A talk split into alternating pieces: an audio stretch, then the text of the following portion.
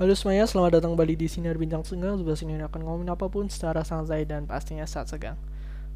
Oke, di episode kali ini aku pengen ngomongin tentang uh, sebuah survei atau studi mengenai Indonesia sebagai negara paling malas jalan kaki di dunia. Sebenarnya ini sangat rame, sangat uh, menjadi perbincangan akhir-akhir ini. Karena aku tidak mengutip dari postingan atau uh, berita apa pun ini aku ngomongin pendapatku aja ya. Nah jadi di beberapa postingan yang aku baca Indonesia dalam sebuah studi yang dilakukan oleh uh, ilmuwan di Stanford University Amerika Serikat ini menunjukkan bahwa Indonesia uh, itu namanya apa? Jadi negara paling malas jalan kaki. Sebenarnya di studi itu sempat baca dikit ya baca data doang sih nggak sampai tulisan semuanya lengkap. Intinya Indonesia peringkat paling rendah jumlah langkah kaki. Yang paling banyak tuh kalau nggak salah Hong Kong Cina dan mana lagi gitu. Nah terjadi banyak perdebatan ada yang uh, kurang setuju ada yang setuju uh, aku coba keluarin ya beberapa pendapat dari yang aku baca. Ada yang bilang waktu itu di Twitter ada yang aku pernah baca di Twitter ada yang bilang bahwa ini data tahun 2017 dan diambil di tahun-tahun sebelumnya. Dan diambil dari sebuah jadi menggunakan aplikasi yang uh, gadgetnya untuk uh, penelitian itu iPhone. Jadi orang yang bikin tweet ini aku lupa tweetnya di mana mengatakan bahwa e, datanya kurang tepat dan e, lokasinya juga nggak dituliskan secara jelas kan bisa jadi Indonesia kan luas ya ada yang perkotaan ada yang perdesaan. Nah si pembuat tweet ini tuh berpendapat bahwa orang-orang di desa itu juga sering jalan kaki loh. Ya karena mau nggak mau ya karena di sana transportasi kalau nggak motor jalan kaki ya. Pada jalan kaki. Nah ini si uh, pembuat itu berpendapat seperti itu. Terus ada yang bilang karena itu device-nya cuma di iPhone doang yang Android nggak kehitung terus tempatnya juga nggak jelas di mana dan itu data tahun lama. Dan bisa saja nih dengan efek pandemi pengguna user sebelum pandemi sebenarnya udah meningkat banget sih pengguna HP dan internet. Semakin meningkat lagi di pandemi. Nah gitu. Nah ini menjadi terkenal karena uh, berita tuh mengupload ulang lagi nih. Sebenarnya tuh aku menemukan nih di Jakarta Post udah ada. Jakarta Post. Nah waktu itu eh nih mana sih? Uh, pokoknya di Jakarta Post sudah pernah bikin berita tentang itu tahun 2017 kalau nggak salah. Nah 2017 Juli 15 17 dan uh, akhir-akhir ini di beberapa portal berita di internet tuh pada me mengupload ulang lagi deh gitu. Iya rame deh perbincangan. Terus itu ada yang pendapat seperti itu bahwa hmm, dari si penelitiannya tuh mungkin tidak relevan dengan sekarang dari jumlah datanya maupun variabel-variabel penelitiannya seperti gadget yang digunakan. Terus ada yang berpendapat ya setuju-setuju aja karena di era teknologi sekarang orang pada pada pakai HP untuk pesen ojek online tentu ini apa namanya memudahkan sekaligus membuat orang menjadi malas jalan kaki gitu. Terus ada yang berpendapat lagi ini semua karena sistem trotoar itu yang ada yang masih banyak yang kurang bagus, ada yang kurang bagus. Ini biasanya yang ngomong ini tuh orang Jakarta sih mereka pada bersuara gitu. Karena uh, aku lihat di kota-kota lain masih belum terlihat nih suara-suaranya. Kayaknya pada orang orang Jakarta walaupun aku jarang sekali ke Jakarta. Ya itulah.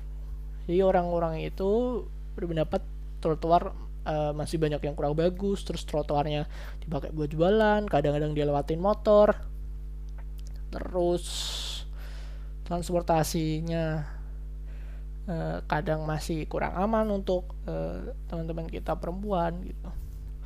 Terus hmm, itu tadi trotoar transportasi umum terus ada juga orang yang berpendapat karena kota-kota uh, di Indonesia ini pembangunan kota-kota di Indonesia ini tuh tidak didesain untuk para pejalan kaki gitu jadi aku pernah dengar pendapat dari orang bahwa di luar negeri itu kotanya dibikin untuk memfasilitasi jalan kaki gitu.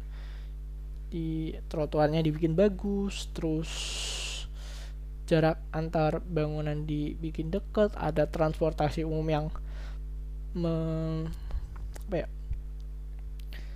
memfasilitasi untuk uh, mobilitas orang-orang gitu.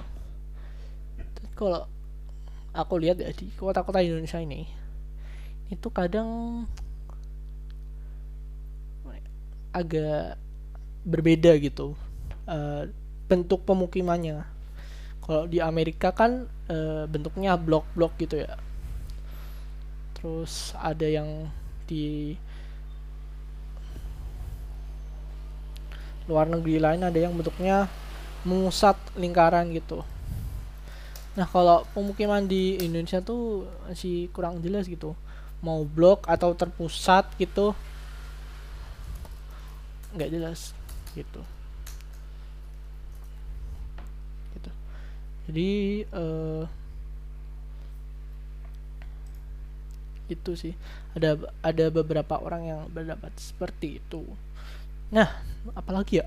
Opini-opini yang tersebar di internet hanya itu aja sih. Terus mengenai Indonesia yang uh, lebih mengutamakan pengguna kendaraan daripada pejalan kaki contohnya uh, ini. Indonesia lebih sering membuat uh, jembatan itu jembatan apa namanya jembatan penyeberangan orang daripada lebih memperbanyak apa sih yang koyok di lampu merah itu stopan zebra cross atau ya e, penyeberangan tapi yang di bawah gitu loh. E, jalan penyeberangan gitu. Daripada lebih sering membuat jembatan daripada jalan penyeberangan jalur penyeberangan gitu. Nah ini kan e, ada sebuah paradigma ya bahwa Indonesia tuh para pejalan kaki tuh di nomor dua kan. Seharusnya kan kalau mengutamakan pejalan kaki tuh uh, si pengguna kendaraan tuh harus lebih banyak ngalah gitu dengan pejalan kaki yang menyeberang di jalan yang sama bukan dipindah ke atas gitu.